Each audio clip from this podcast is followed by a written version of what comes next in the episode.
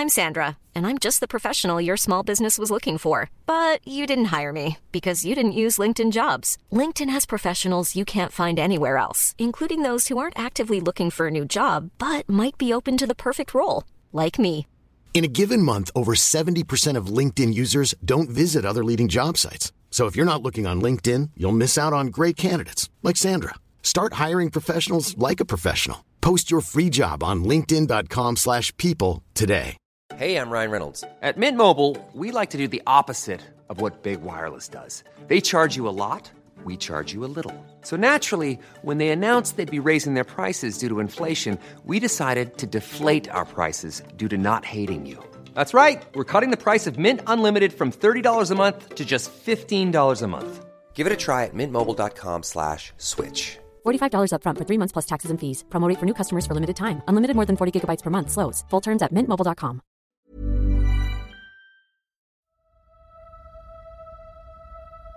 Det är den 3 maj 2020 och familj och släktingar har samlats i en lägenhet i Gamlestan.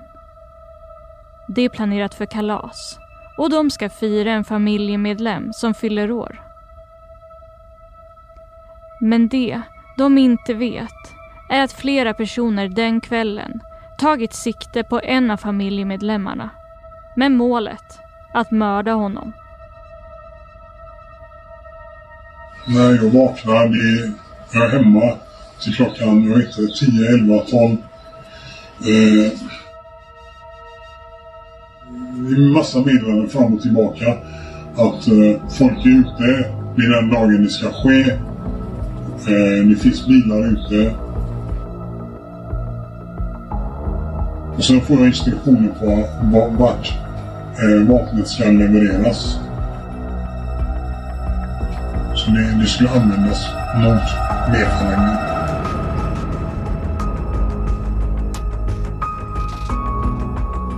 Ring polisen också! SOS 112, vad har inträffat? Hej, hej. Det har varit en skottlossning här i Göteborg på Lars Taktgatan. Han, han andas inte! Ja, ni får skynda er! Han lever inte! Han andas inte! Skynda er!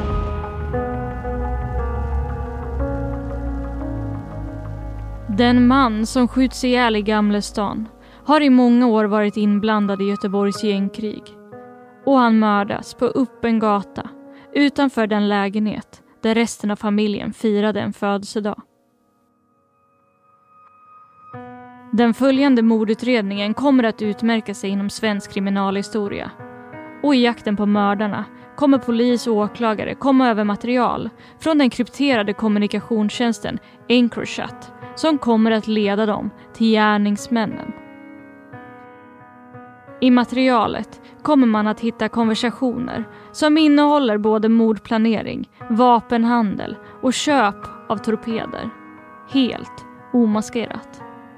Med hjälp av Encrochat kommer polisen kunna avslöja hur en stor grupp människor under lång tid planerat att mörda flera familjemedlemmar vilket senare ledde till den 33-årige mannens död. Du lyssnar på GP Dokumentär om Gamlestadsmordet och de krypterade telefonerna. Jag heter Isabella Persson. Det är en massa meddelanden fram och tillbaka. Alla pratade, ja vapen här, vapen där. Det var verkligen en ögonöppnare för oss hur omaskerat, öppet och rakt man pratar om sina brottsupplägg. hur fruktansvärt eh, liksom, man pratar om andra människors liv. Det är söner till mammor och pappor som mår otroligt eh, dåligt.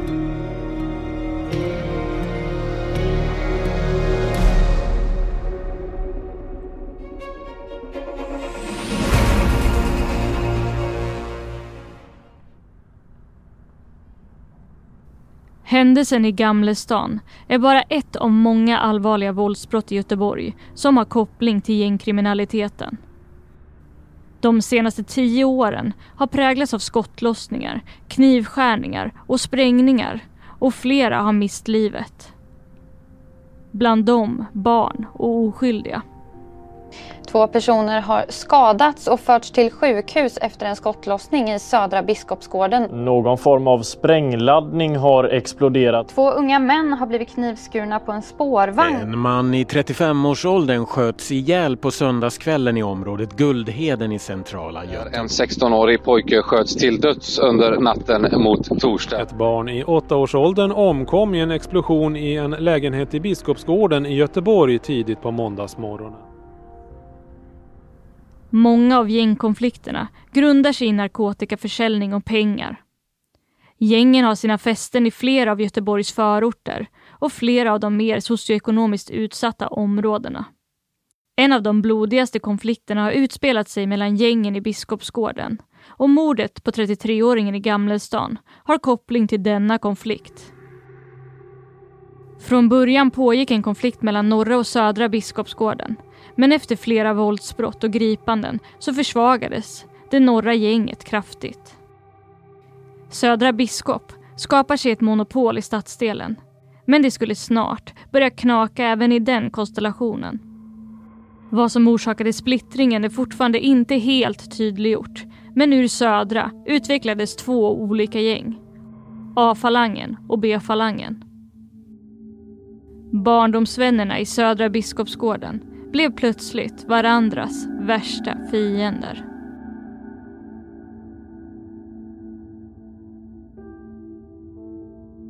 Våldsdåden har avlöst varandra och man pratar om att det finns en konstant hotbild mellan gängmedlemmarna. Flera mord har skett på personer kopplade till gängkonflikten.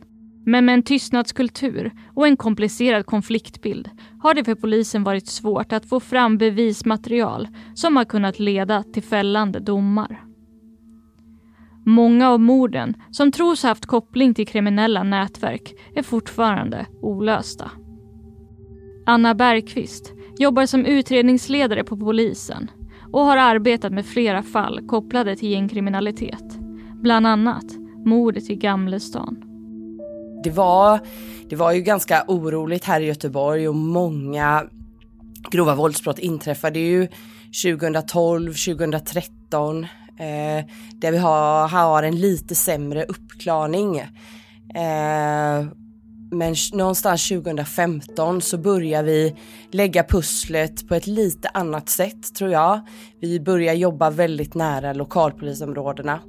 Eh, deras personkännedom och den, den kännedom de har kring de här personerna och konflikten gör att det är en av nycklarna till att man kommer vidare i de här utredningarna.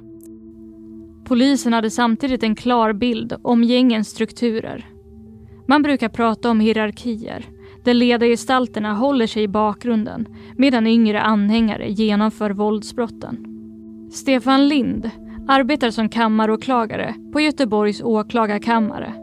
För det är ganska sällan egentligen som vi kan se att de som är högst upp i, i organisationen själva utför några gärningar, att man mer är den som ger direktiv om det. Det händer ju att även ledare har, sitter nära brottet så att säga. Men i de fall de inte gör det så har det varit nästan till omöjligt att, att eh, komma åt ledarna. Man har haft svårt att få tag på information och bevismaterial som har kunnat knyta ledargestalterna till brotten. Ted Esplund är nationell projektledare på polisens underrättelsetjänst, NOA. Vi har kunnat, som han ibland slarvigt säger, polisiärt uppklara att vi kan ha en bra bild över hur det här har skett, vem som ligger bakom och, och på vilka grunder vi påstår det. Men att leda i bevisning har vi ju inte varit ens nära att göra tidigare. Polisen har saknat verktygen för att komma åt ledargestalterna och personerna bakom morden. Man vet att gängen använt sig av krypterade tjänster när de kommunicerat med varandra. Men trots att mobiltelefoner och tillgångar beslagtagits av polisen så har man inte kunnat komma åt den här informationen. Vi har ju förstått att eh, personer i kriminella nätverk och, och, säkert andra personer också av andra anledningar eh, sköter sin kommunikation på krypterade chattar. Vi har haft en del eh, BQ-telefoner som vi kallar det, som vi har tagit i beslag där vi inte har kommit vidare in i dem. BQ-telefoner är Android-telefoner som produceras av ett spanskt företag. Företaget i sig skapar inte de krypterade telefonerna men deras modeller har köpts in av andra aktörer som försett dem med krypterade tjänster. Vi har förstått att det har funnits någon typ av del i de telefonerna som har varit krypterade som vi på IT-forensiska sektionerna inte har kunnat komma in i. Fast att vi har haft bra verktyg. Så, så någonstans förstod vi att de sköter sin kommunikation där vi inte kan komma åt.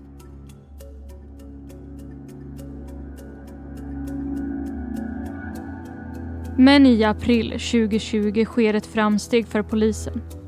Man kontaktas av polis i Frankrike som lyckats knäcka en server som tillhör kommunikationsverktyget Encrochat. Ted Esplund har varit Sveriges ansvariga i projektet. Ja, men vi, vi fick ju ett erbjudande här att eh, kunna ta del av information från Encro. Eh, och det var egentligen så det beskrevs att vi har lyckats eh, via en teknisk lösning komma åt information från Encro servrar.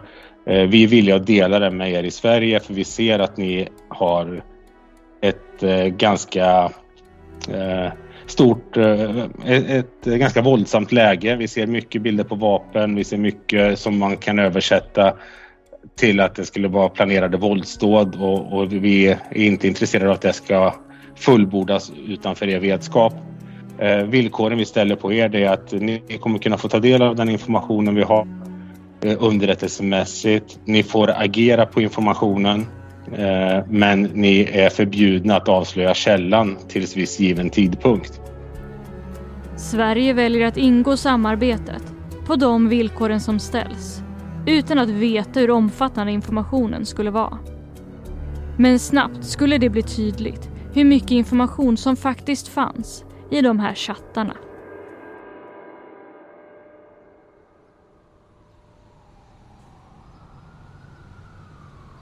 Tillbaka till Lars Kaggsgatan den 3 maj 2020. Polisen är väl insatta i vem den skjutna personen är och att han har koppling till den så kallade B-falangen och konflikten i Biskopsgården. Man får via vittnen på platsen reda på att två personer skjutit mot 33-åringen och sedan försvunnit iväg i en flyktbil. Polisarbetet intensifieras snabbt.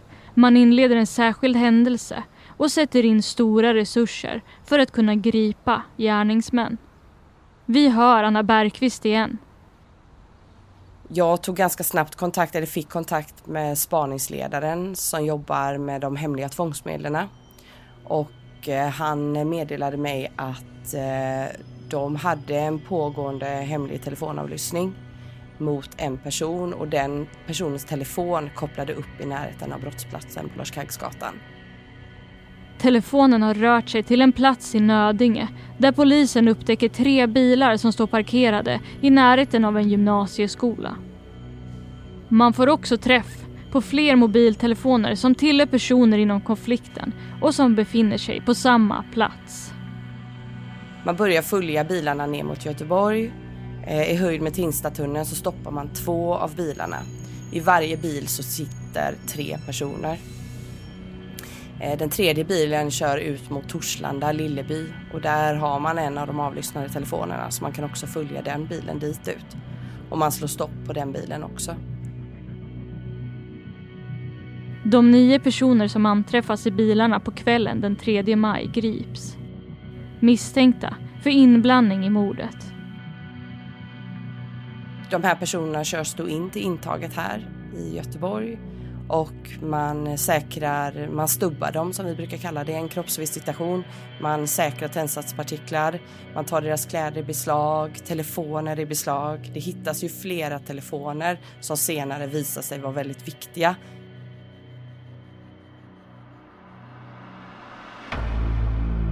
Utredningen går in i en ny fas och under sommaren 2020 ska utredningsgruppen på polisen i Region Väst få reda på att det finns information från den knäckta Encrochat-servern som har med mordet i Gamlestan att göra.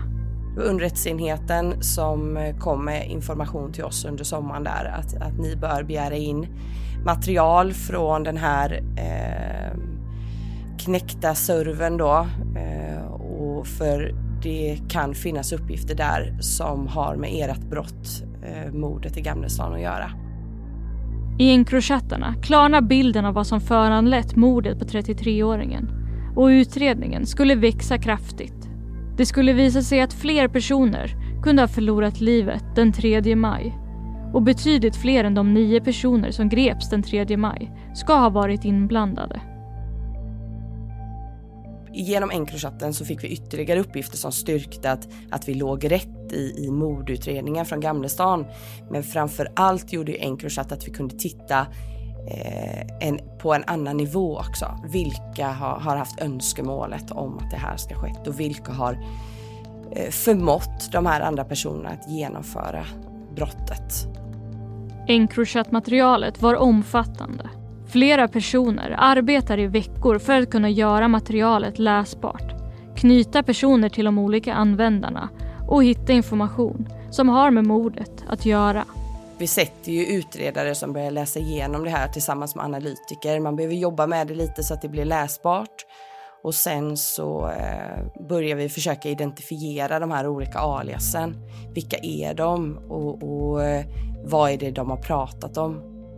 I Encrochat-materialet kan man se att det var i april 2020, drygt en månad innan mordet, som mordplanerna tog fart.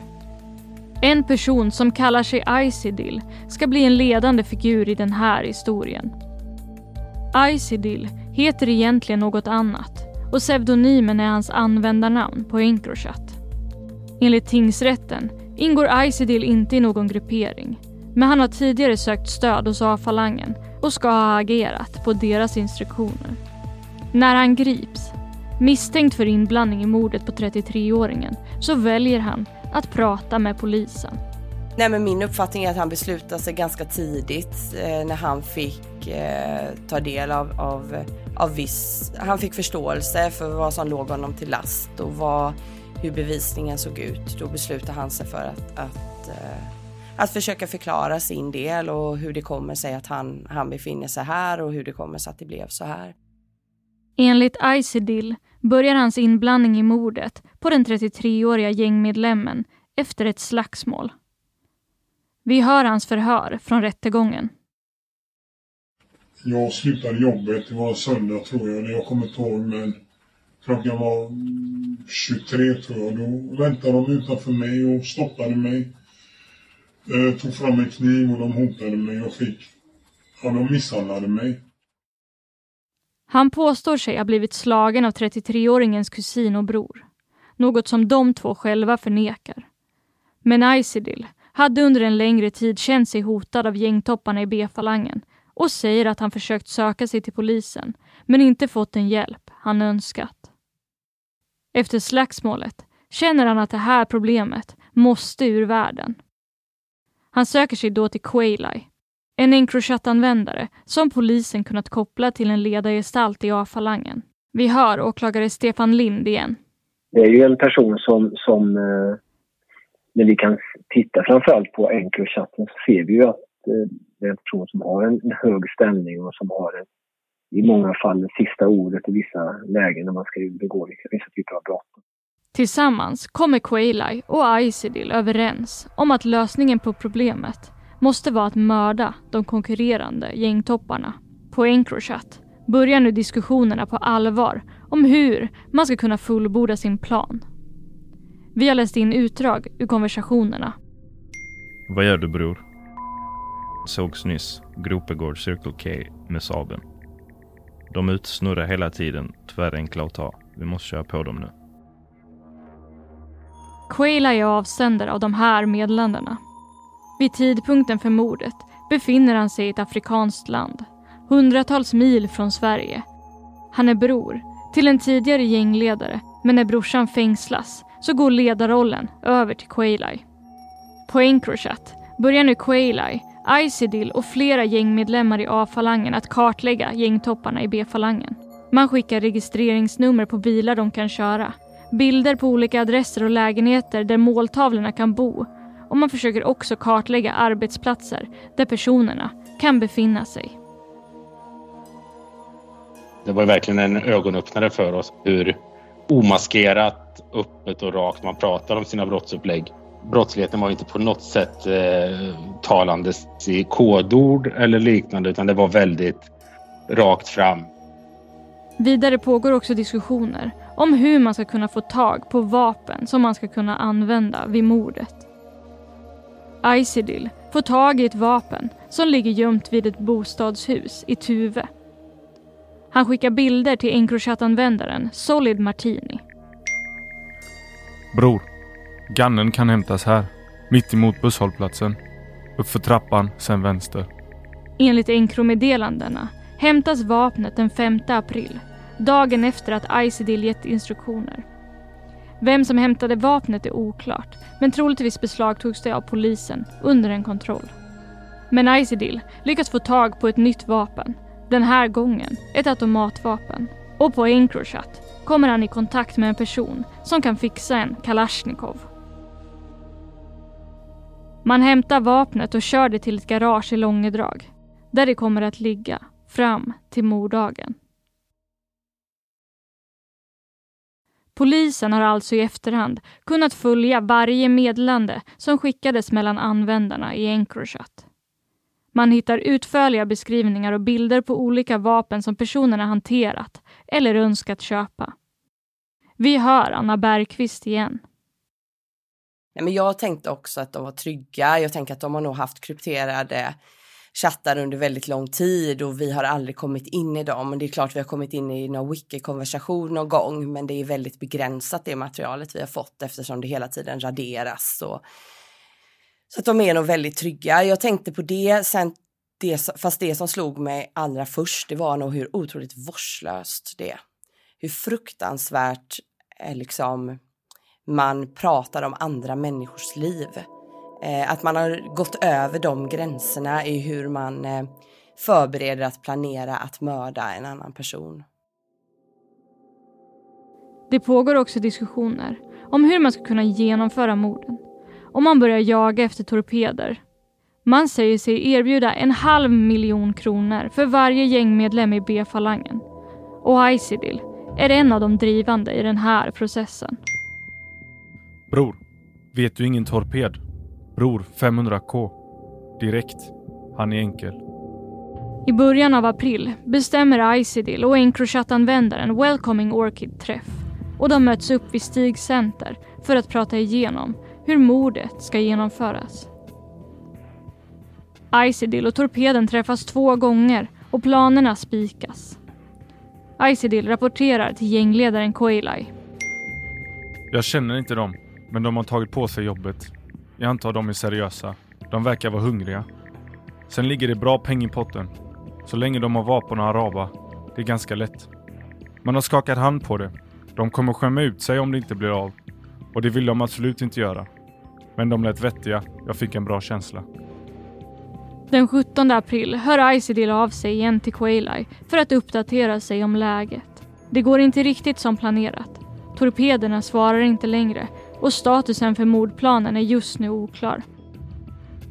Men Quailai lugnar och ber Isidil att nu lämna över ansvaret till honom. Brush, du har fixat allt du ska fixa. Nu ska vi fixa resterande. Den 3 maj kommer och Isidil får ett meddelande att han behöver genomföra en sista uppgift för att A-falangen ska kunna fullborda sin plan. Det är massa meddelanden fram och tillbaka att eh, folk är ute. Det är den dagen det ska ske. Eh, det finns bilar ute. Och sen får jag instruktioner på vart eh, vapnet ska levereras. Isidil åker tillsammans med en vän och hämtar vapnet i garaget i Långedrag. De åker sedan vidare mot Hissingen och Eriksberg. Sen åker vi till Londongatan. Jag kommer ihåg just Londongatan, jag tänker på London. Jag parkerar bakom den bilen. Han öppnar bagaget, alltså på den bilen vi kör. Och så tar han den där påsen. Så dumpar han vapnet i bagaget, stänger, hoppar in i bilen. Eh, det var det, sen åkte vi därifrån. Exakt vad som händer efter att Icedill lämnat vapnet framgår inte av Encrochat-meddelandena. Klockan 16.01 den 3 maj slutar all kommunikation om mordet. Ted Esplund menar att detta är något de ofta ser vid den här typen av våldsdåd. Som inte är helt ovanligt är att man stänger av all kommunikation när man närmar sig. När man har mötts upp på en plats för att göra brottet så behöver man inte kommunicera. För då, då är man ju redan igång och pratar på eh, mellan varandra. Men tystnaden innan mordet i Gamlestan har också en annan förklaring. Vi ska återkomma till det lite senare. Klockan tio på kvällen skriver Quayley på Encrochat igen. Han firar mordet och en bild på den ihjälskjutne gängmedlemmen sprids bland användarna. Någon dag senare skjuts fyrverkerier i Biskopsgården för att fira att man lyckats genomföra mordet.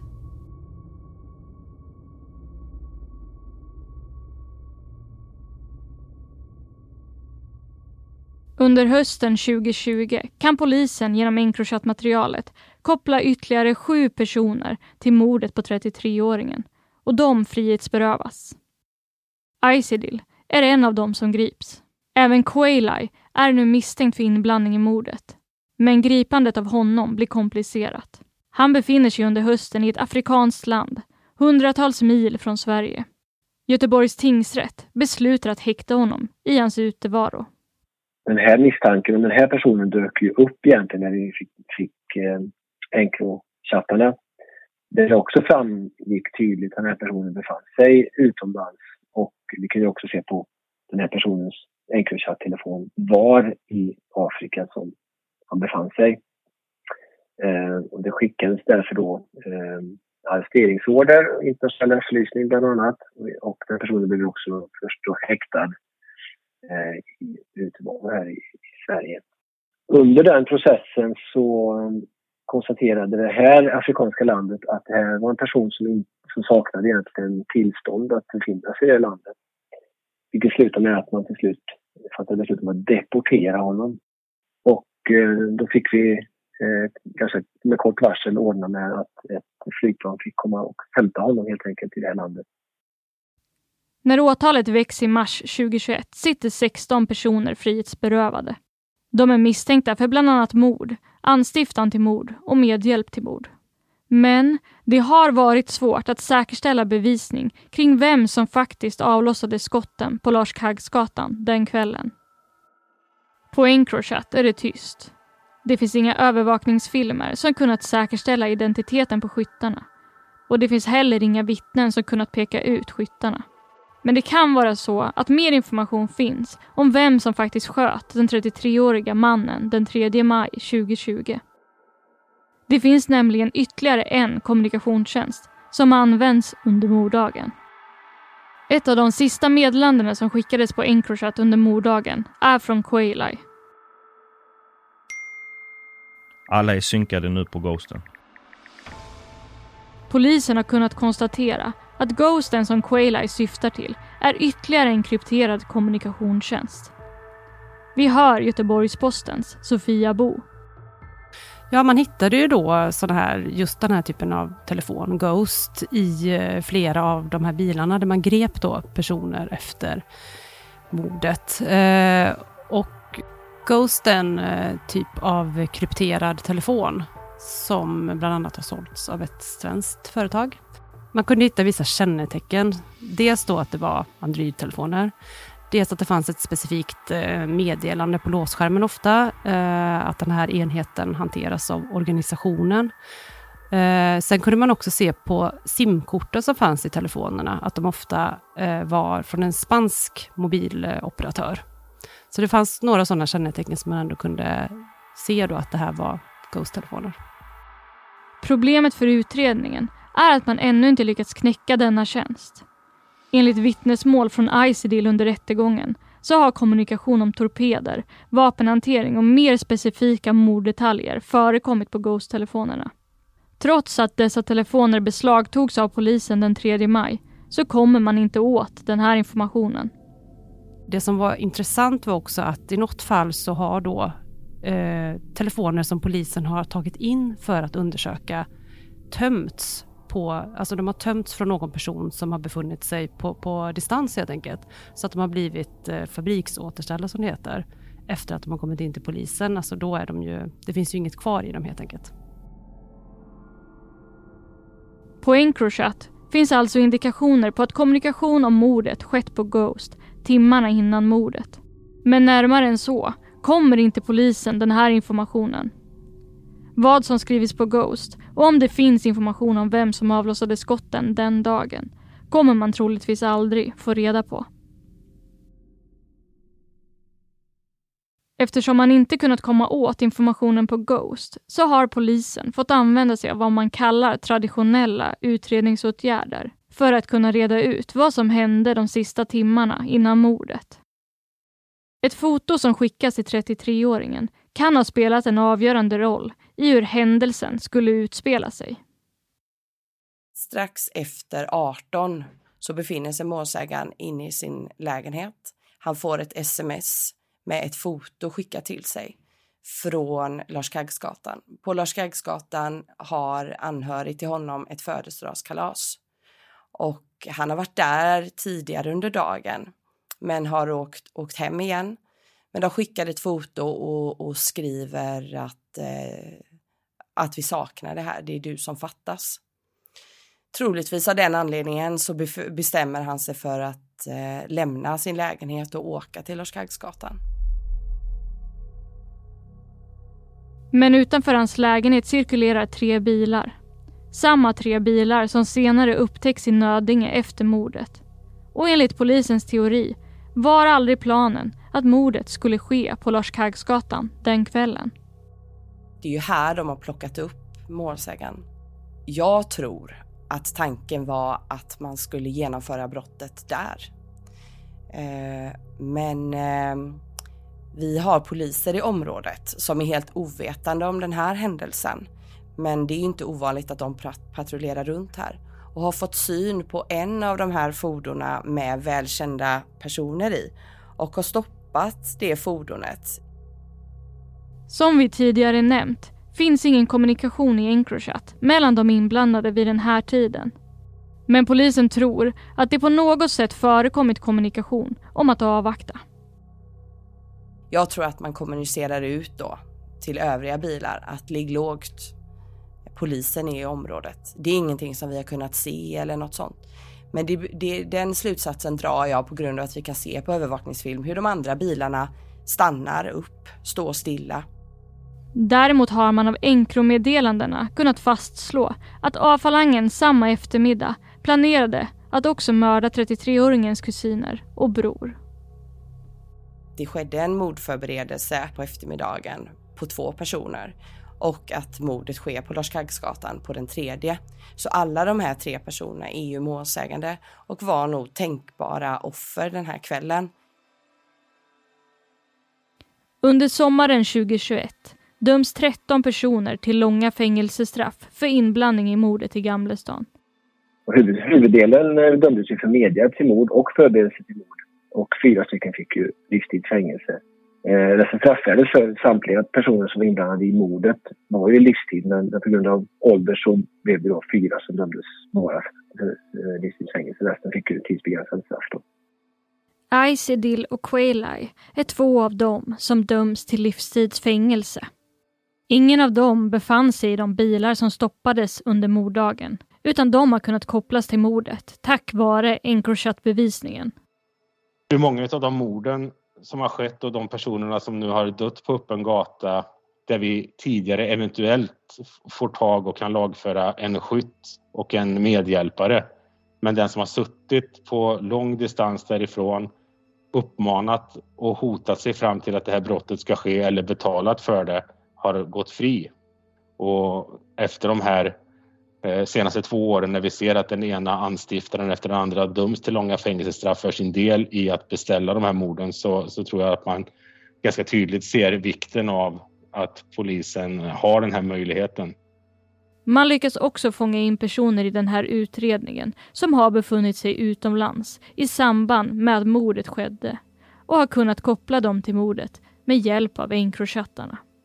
Nej men jag tycker att det är också en viktig, framförallt är det en viktig signal att eh, man ska inte kunna befinna, man vill inte att man ska kunna befinna sig någon annanstans och känna att här är jag trygg och här kan jag agera och, och påverka på annat sätt. Utan oavsett var i världen du befinner dig så, så kommer vi försöka att, eh, att, att stifta eller liksom att skapa rättvisa ändå och, och att man ska få stå till svars för det man har gjort. I början av mars 2022 faller även hovrättsdomen som i stort sett delar tingsrättens bild. Man väljer dock att ändra brottsrubriceringen på en av de inblandade som döms till mord istället för medhjälp till mord. Detta trots att man inte kunnat fastställa vem som avlossade skotten den 3 maj vi ju i svensk rätt och den praxis som har utvecklats inte alltid måste styrka exakt vem som gör, gör vad. Så länge man är med tillsammans och gör tillsammans i samförstånd så, så kan man fälla alla personer som är på plats som har en viss aktivitet kan man säga. Då.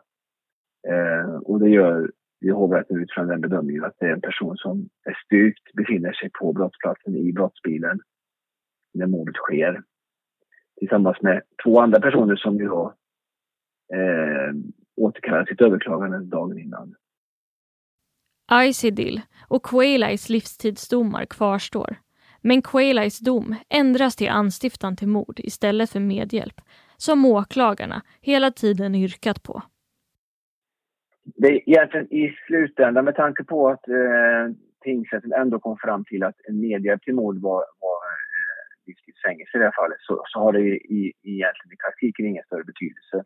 I teorin däremot så kan det ha viss betydelse med tanke på att vi, vi får nu fastställt att den som har haft avgörande beslutande rätten när det gäller mordet på och även fortsatta förberedelserna till mordet på de övriga har ju då kunnat, vi kan konstatera vem det var och att utan hans godkännande så hade det här mordet inte ägt rum. Så, så skriver hovrätten och det, det, det är en bedömning som, som vi delar fullt ut.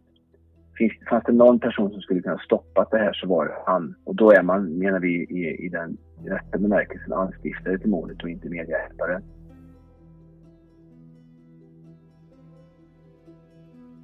Med hjälp av samarbeten med andra länder har polisen i Sverige lyckats komma över information från flera krypterade tjänster som har lett till fällande domar.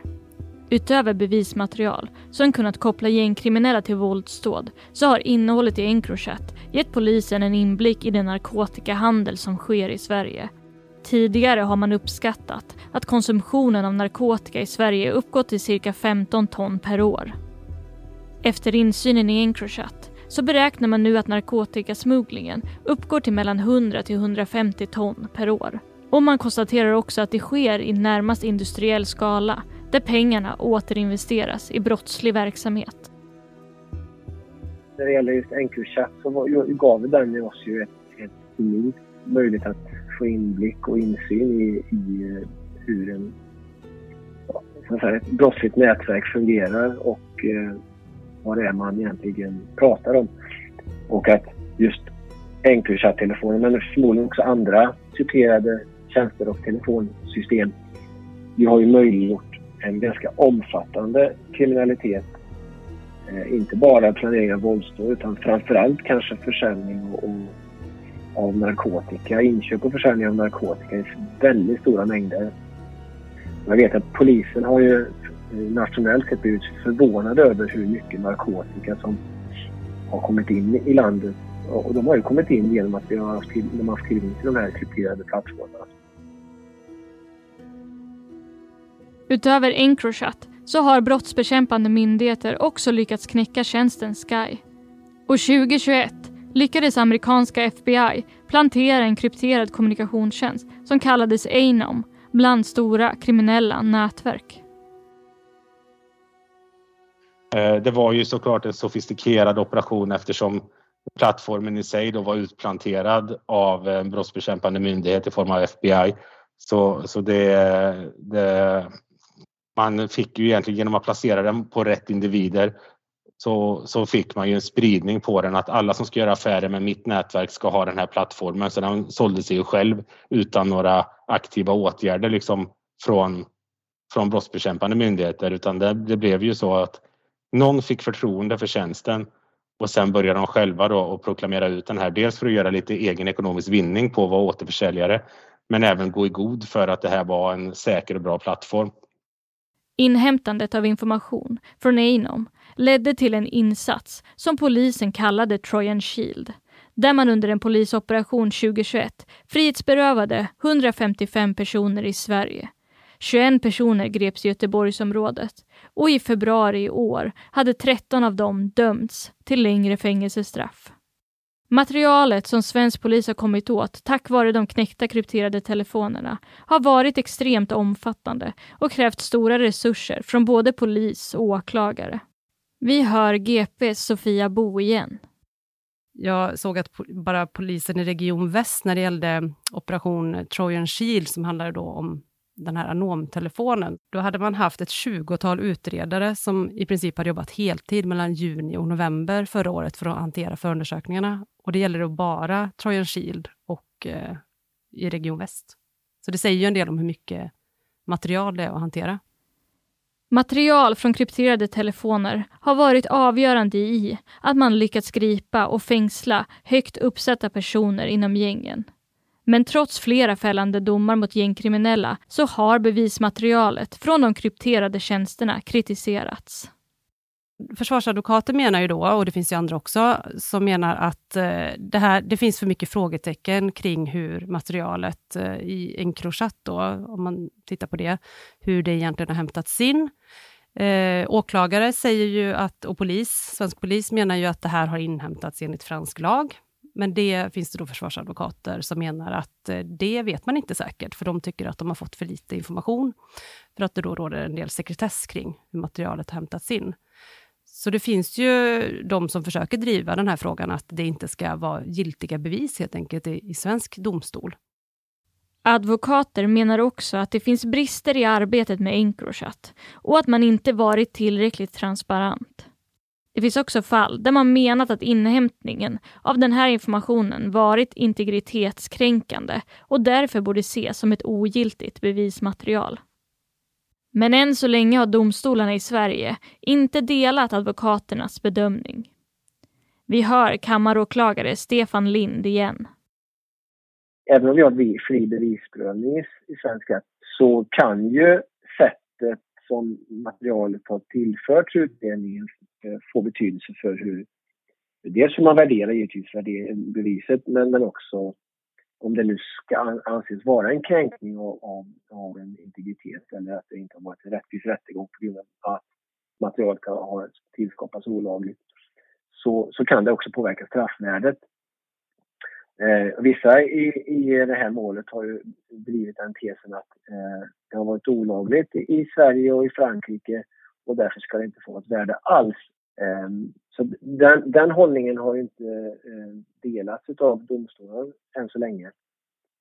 En viktig detalj i detta är också att det inte är svensk polis själva som lyckas komma åt den här informationen, utan det har gjorts av andra stater som sedan delgivit informationen till Sverige om man ska avlyssna någon eh, digitalt i Sverige så måste det finnas domstolsbeslut på det och man måste ha viss, eh, viss typ av misstanke om brott. Det som fransk, franska myndigheter har gjort, då, enligt det man kan läsa sig till, det är att de i princip har ju eh, tagit in information från alla som har använt Encrochat, oavsett eh, om man då har eh, en enskild person har varit misstänkt för något brott och sen har man då eh, delat vidare den informationen när svenska myndigheter har begärt den, till exempel, under en förundersökning. Så, så, i Sverige hade man inte kunnat göra den här typen av, mass, av ja, massinhämtning av information på samma sätt, för det, det funkar inte enligt svensk lag. Den svenska lagstiftningen har lett till debatt och både åklagare och polis driver en process att få igenom en ny lagstiftning som ska kunna möjliggöra att svensk polis ska kunna genomföra liknande insatser. Vi, vi behöver verktygen snarare än eh, risken att vi skulle vara för få eller något sånt där. Det sitter inte utan det här skulle vara högst prioriterat. Utan det är utifrån min synvinkel, det, det är rent eh, eh, lagstiftningsmässigt. Så. Och, och, det är inga lätta avvägningar att göra. Det, det är jättemycket aspekter att väga in i, i det här och lagstiftning ska man inte göra i ett hastverk att bara för att vi kommer med de här förslagen nu så ska det klubbas igenom på, på ett halvår. Jag har full förståelse för det men vi har ganska tydligt kunnat visa, tycker jag, och varit väldigt öppna med hur det här har gått till som i det här fallet då Frankrike har gjort eh, så och eh, en liknande lagstiftning borde vara möjlig i Sverige. Enligt Anna Bergqvist så är det många pusselbitar som måste falla på plats för att Sverige ska kunna få stopp på de kriminella gängen. Ska vi ha möjlighet att titta eh, lite utanför de som faktiskt är genomförare på platsen. Att vi ska kunna plocka bort lite roten till eh, det här nätverket. Då bör vi ha lite andra verktyg tror jag. Eh, man behöver både ha möjlighet att eh, på något sätt motivera personen att vilja berätta. Eh, man bör eh, kunna använda sig kanske av, eh, komma åt de verktyg som de använder. Är det så eh, krypterade chattar så behöver vi kunna använda det i större utsträckning. Ja, men vi behöver ligga långt fram i de, i de delarna för att kunna eh, komma åt de, den delen också. Något som i framtiden kan underlätta arbetet för polis och åklagare är det domslut som fallit i Gamlestadsärendet. Hovrätten har gått på åklagarnas bedömning att Ghost och Encrochat-telefonerna ska ses som brottsverktyg, vilket kan komma att innebära nya förutsättningar i det brottsbekämpande arbetet. vi har ju i det här målet nu drivit den eh, rättsfrågan kan man kalla det för, att de här telefonerna och innehållet i dem ska ses som hjälpmedel vid brott. Det vill säga att man redan på förberedelsestadiet kan, kan ta telefoner och döma människor för brott kunna bland annat ta de här telefonerna från människor som, som i den här kriminella miljöerna använder dem. Och, vilket gör att i och med att de är också dyra så, så kanske man på sikt kan få, få bort dem från, från marknaden. Men mycket arbete kvarstår. Och enligt polisen finns det fortfarande många olika typer av krypterade tjänster bland kriminella i Sverige som polis och myndigheter ännu inte lyckats knäcka kommunikation är helt avgörande för dem för de jobbar eh, globalt. De jobbar, de har kontakter över hela världen. Eh, företrädesvis givetvis då i Europa men, men man har fortsatt kommunikation. Men det är allt ifrån att man skickar traditionella mejl, att man använder eh, sina telefoner, eh, sina man säger, vanliga telefoner med de appar som finns på marknaden.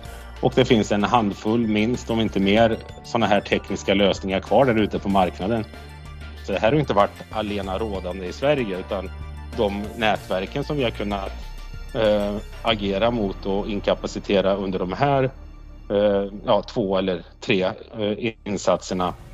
Det finns ju flertalet nätverk utanför det som inte vi har den här typen av kommunikation på. Men vi har ju en, en bra bild och en bra uppfattning om både hur man kommunicerar med vilka verktyg och sådär. Så att eh, underrättelse bilden och är nog ganska klar för oss hur man arbetar vidare efter de här tre plattformarna.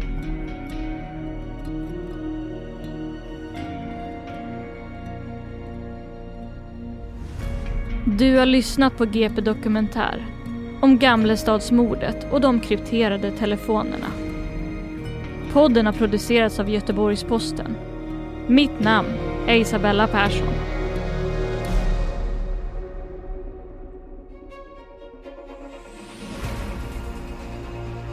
Vill du veta mer om de krypterade telefonerna och hur de används bland de kriminella gängen?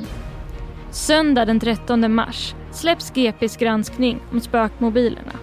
Läs den på gp.se.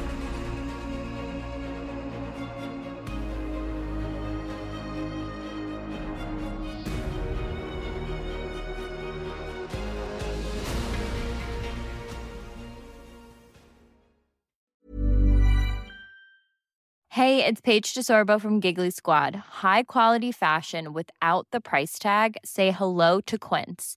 I'm snagging high-end essentials like cozy cashmere sweaters, sleek leather jackets, fine jewelry, and so much more. With Quince being 50 to 80% less than similar brands And they partner with factories that prioritize safe, ethical, and responsible manufacturing. I love that. Luxury quality within reach. Go to quince.com slash style to get free shipping and 365 day returns on your next order.